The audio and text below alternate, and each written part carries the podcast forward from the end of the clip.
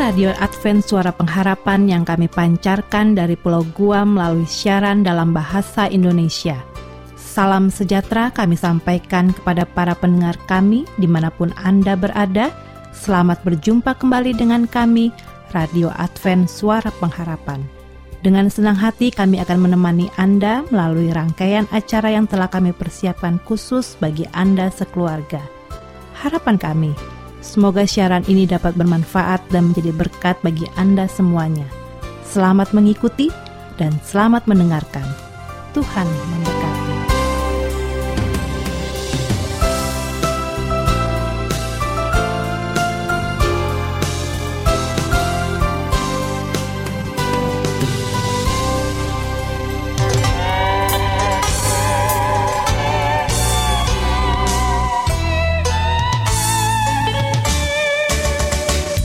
Pendengar Radio Advent Suara Pengharapan yang berbahagia, ruang remaja dan orang muda, kembali kami hadirkan untuk Anda saat ini. Acara ini akan membahas berbagai informasi seputar masalah remaja dan orang muda. Akan dikupas dalam acara ini.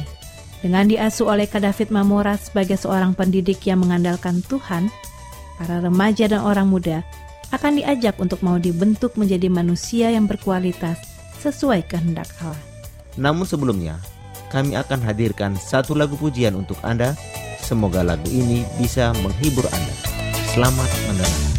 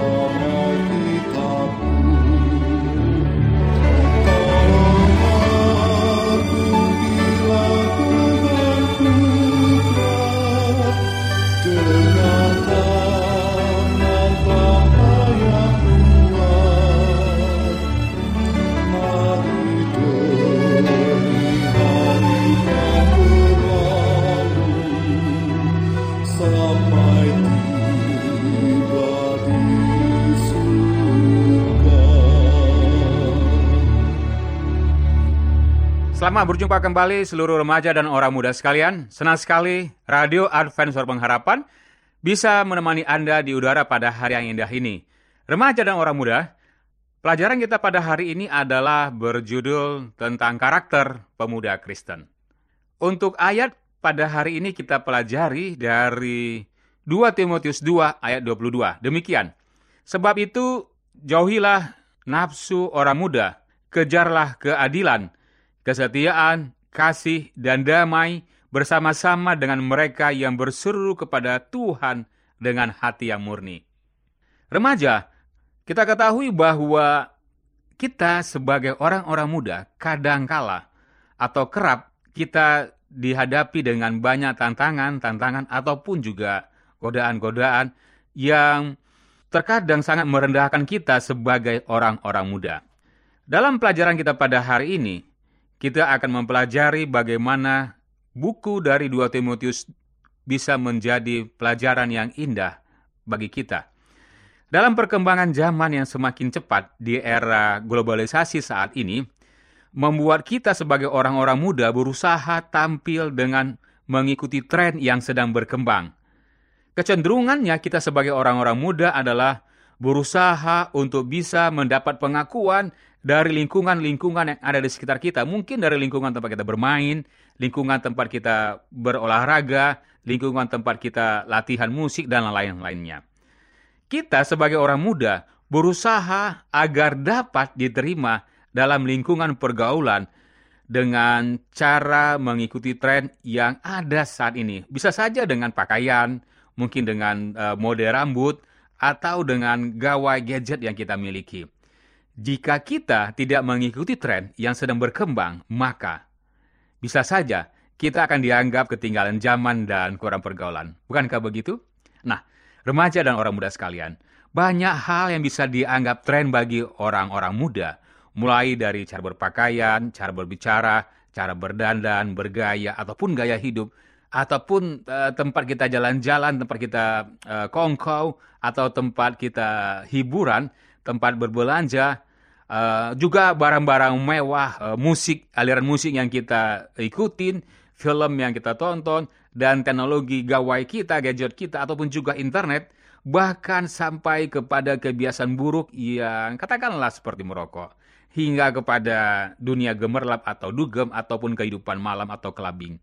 Ya, kadang-kadang itulah tren-tren anak muda yang ada sekarang ini.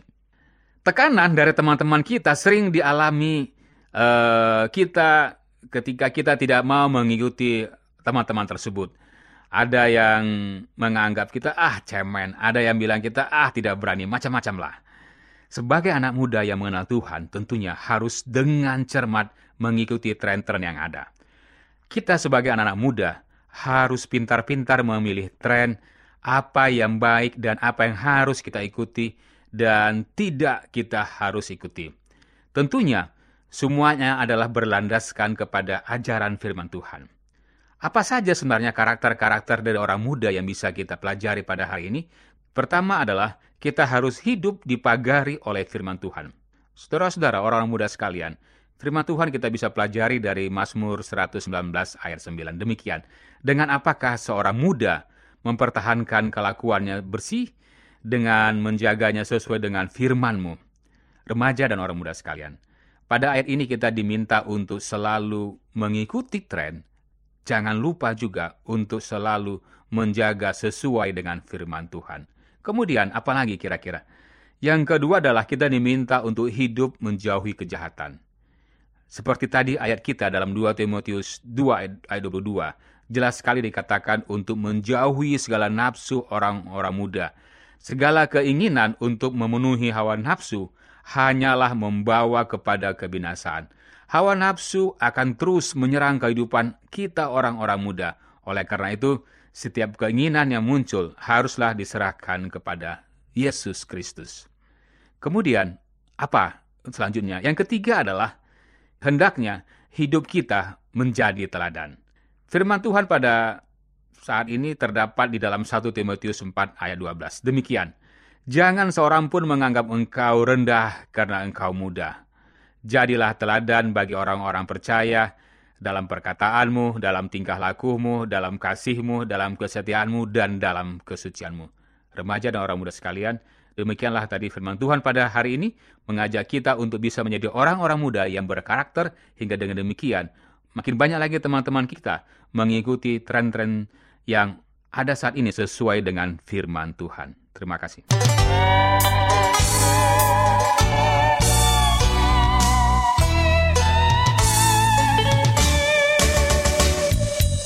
Pendengar Radio Advent Suara Pengharapan yang tetap setia bersama kami, demikian sajian Ruang Remaja dan Orang Muda yang sudah kami hadirkan untuk Anda. Kiranya bermanfaat untuk menolong generasi muda menjadi pribadi yang berkualitas sesuai kehendak Allah. Sampai jumpa dalam acara Ruang Remaja dan Orang Muda minggu depan. Tuhan memberkati kita semua. Pendengar yang dikasihi Tuhan, di tahun ke-35 pelayanan AWR Indonesia, kisah dan kesaksian pendengar terkait siaran dan pelayanan audio kami terus-menerus dikompilasi.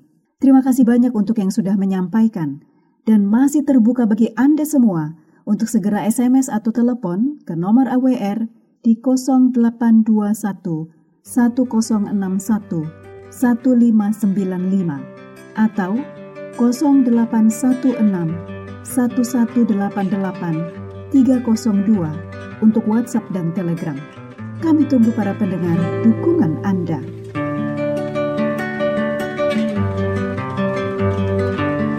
Pegang teguh janji Kristus Rajaku. Mari puji dia selama-lamanya. Bukan nyanyi puji kemuliaanmu. Ku pegang teguh janji Allah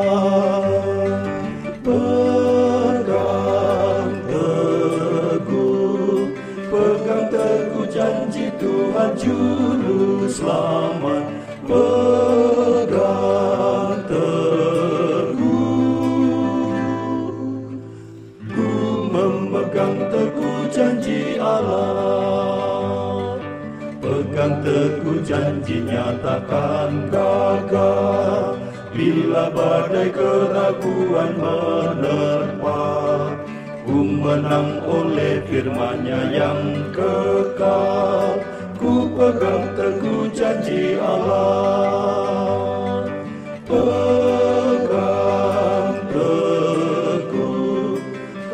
teguh janji Tuhan Juru Selamat Pegang teguh. Ku memegang teguh janji Allah. Peganglah teguh janji Kristus Tuhan. Jalin tali kasihmu kepadanya Dengan pedang roh dapat kemenangan. Ku pegang teguh janji Allah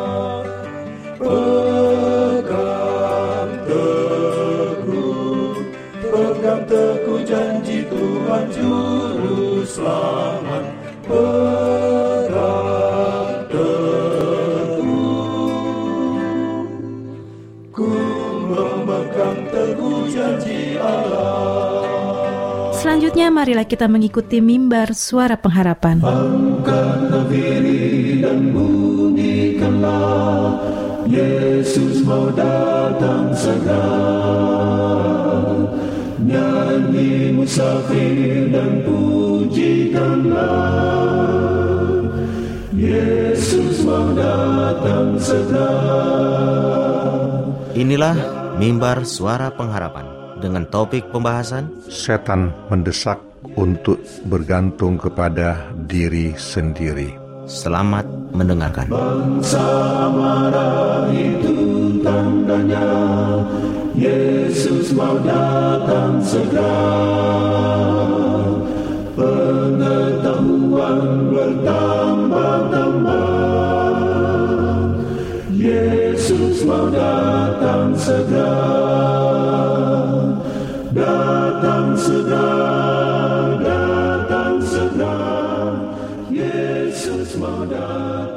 Salam saudaraku yang diberkati Tuhan, kita patut bersyukur saat ini diberikan kesempatan untuk mendengarkan firman Tuhan dalam acara mimbar suara pengharapan bersama saya Pendeta Togar Simanjuntak. Dengan judul pembahasan kita, Setan Mendesak untuk Bergantung kepada Diri Sendiri. Saudaraku yang berkati Tuhan dalam kejadian, kejadian 3 ayat 3 dikatakan, tetapi Allah mengetahui bahwa pada waktu kamu memakannya, matamu akan terbuka dan kamu akan menjadi sama seperti Allah, tahu tentang yang baik dan yang jahat. Saudaraku, oleh mendengarkan si penggoda itu, nenek moyang kita yang pertama kehilangan rumah mereka yang sangat indah, yang mulia, yang begitu sempurna di Taman Eden. Setan menemukan Hawa mau mendengarkan pencobaannya, dan setan membawa adanya sebuah kecondongan untuk tidak percaya akan firman Tuhan. Saudaraku, di sinilah keilihayan setan untuk mengetahui kelemahan manusia, di mana titik-titik kelemahan itu dia bisa intip dan perhatikan untuk di mana setan masuk untuk menggoda manusia tersebut. Setan ingin menjadikan pelanggaran tampaknya sebuah berkat nyata bagi mereka dan itu bukan sebagai suatu pelanggaran, tetapi itu merupakan suatu bagian hanya aktivitas kehidupan biasa saja.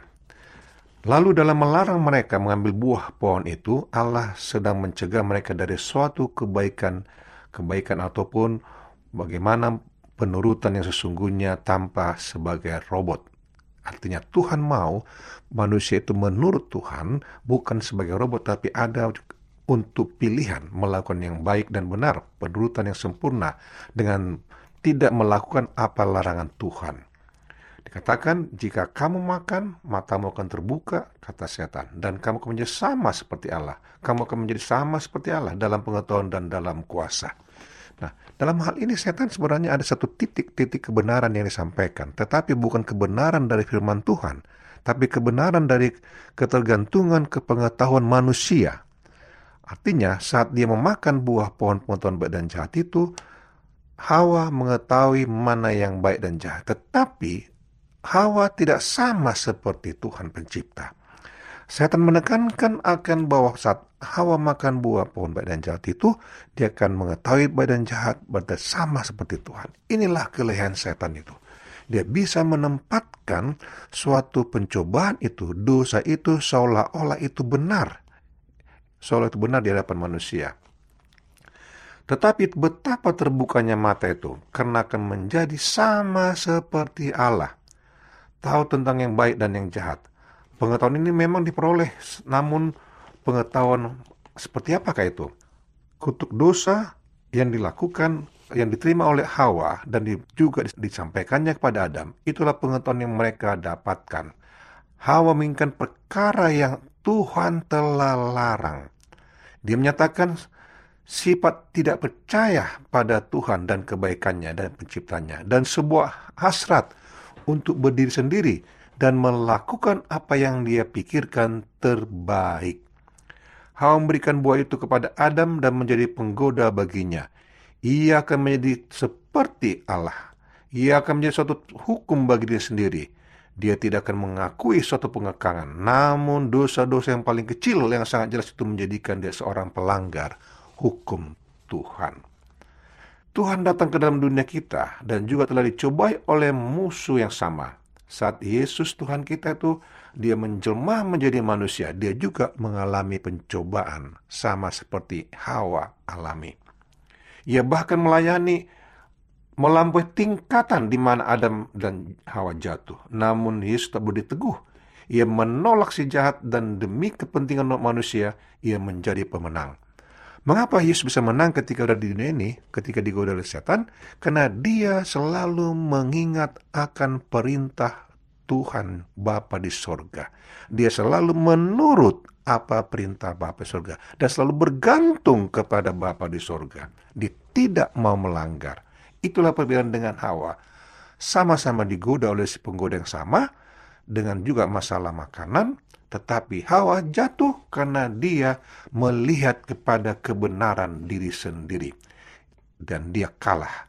Tapi Yesus keluar sebagai pemenang saat digoda oleh setan karena dia bergantung kepada Tuhan dan menurut perintah Tuhan. Nah, saudaraku saat Yesus menjadi pemenang, segenap surga telah menang. Setan datang kepada Kristus dengan mengadakan penggodaan tampaknya bagus dan menghasut.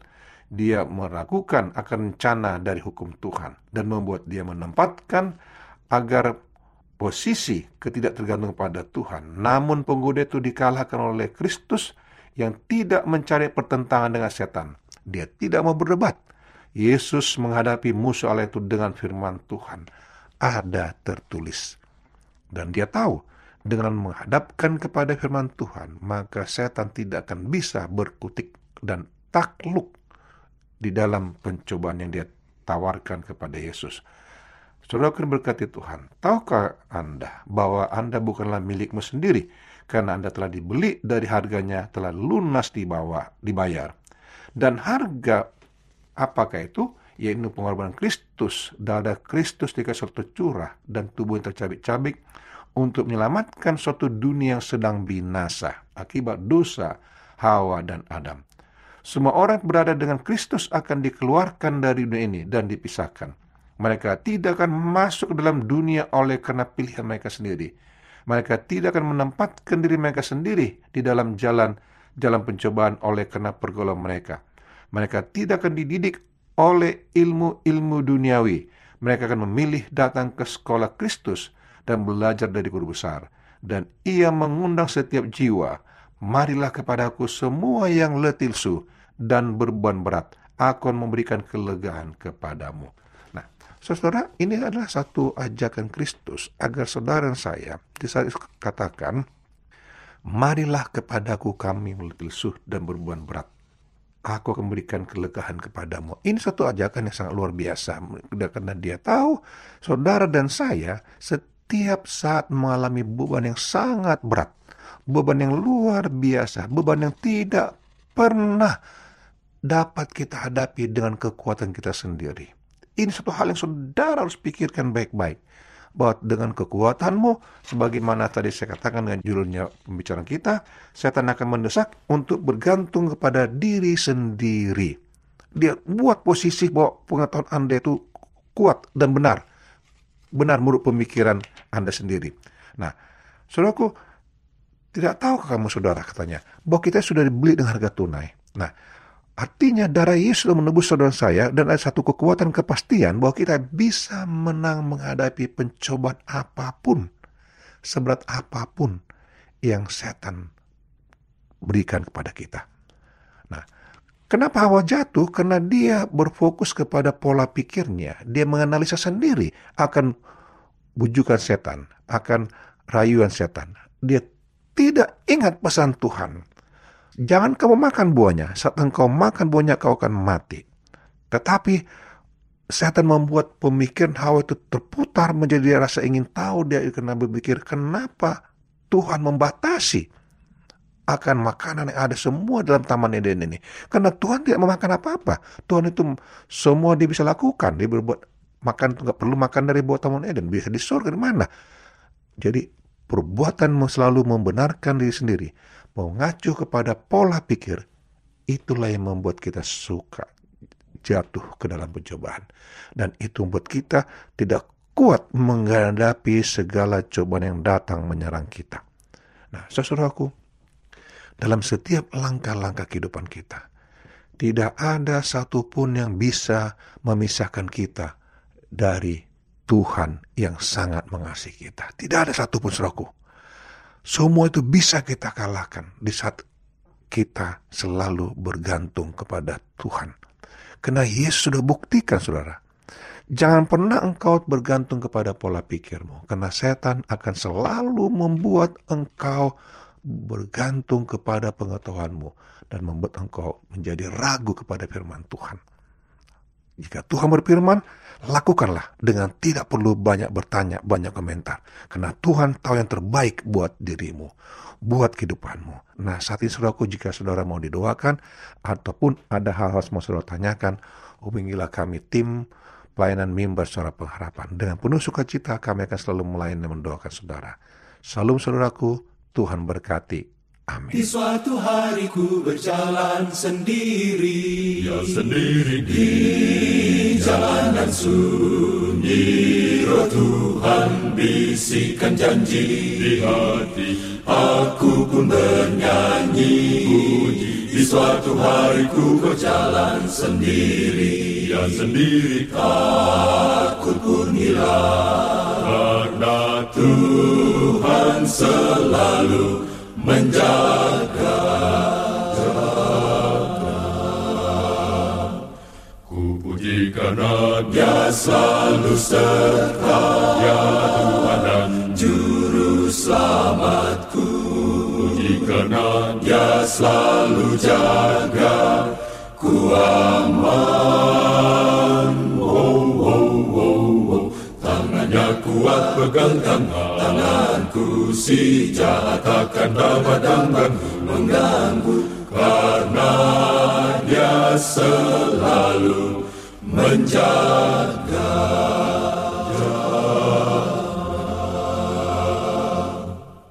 Ingatlah Daniel Nabi yang setia. Setia Selalu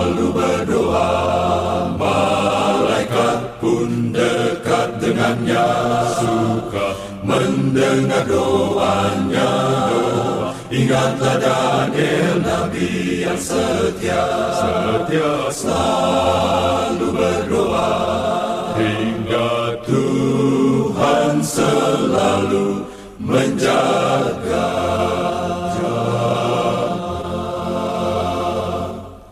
Ku puji karena Dia selalu serta.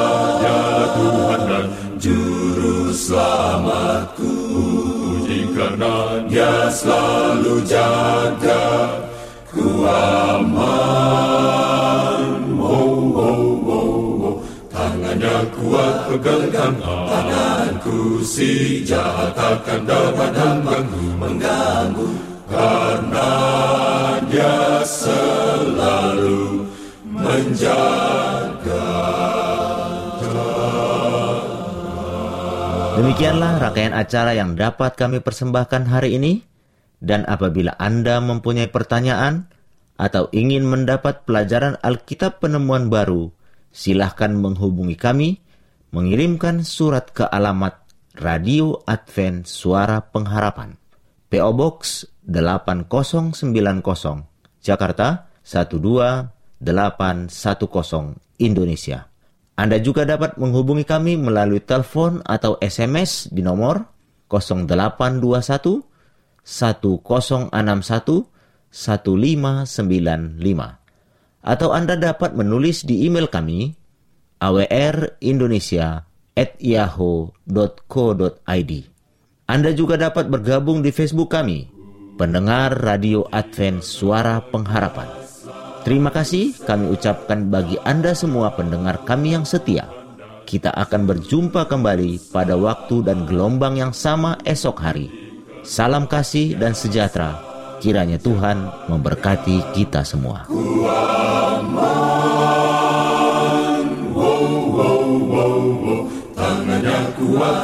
Tanganku si jahat dapat mengganggu Mengganggu Karena dia selalu menjaga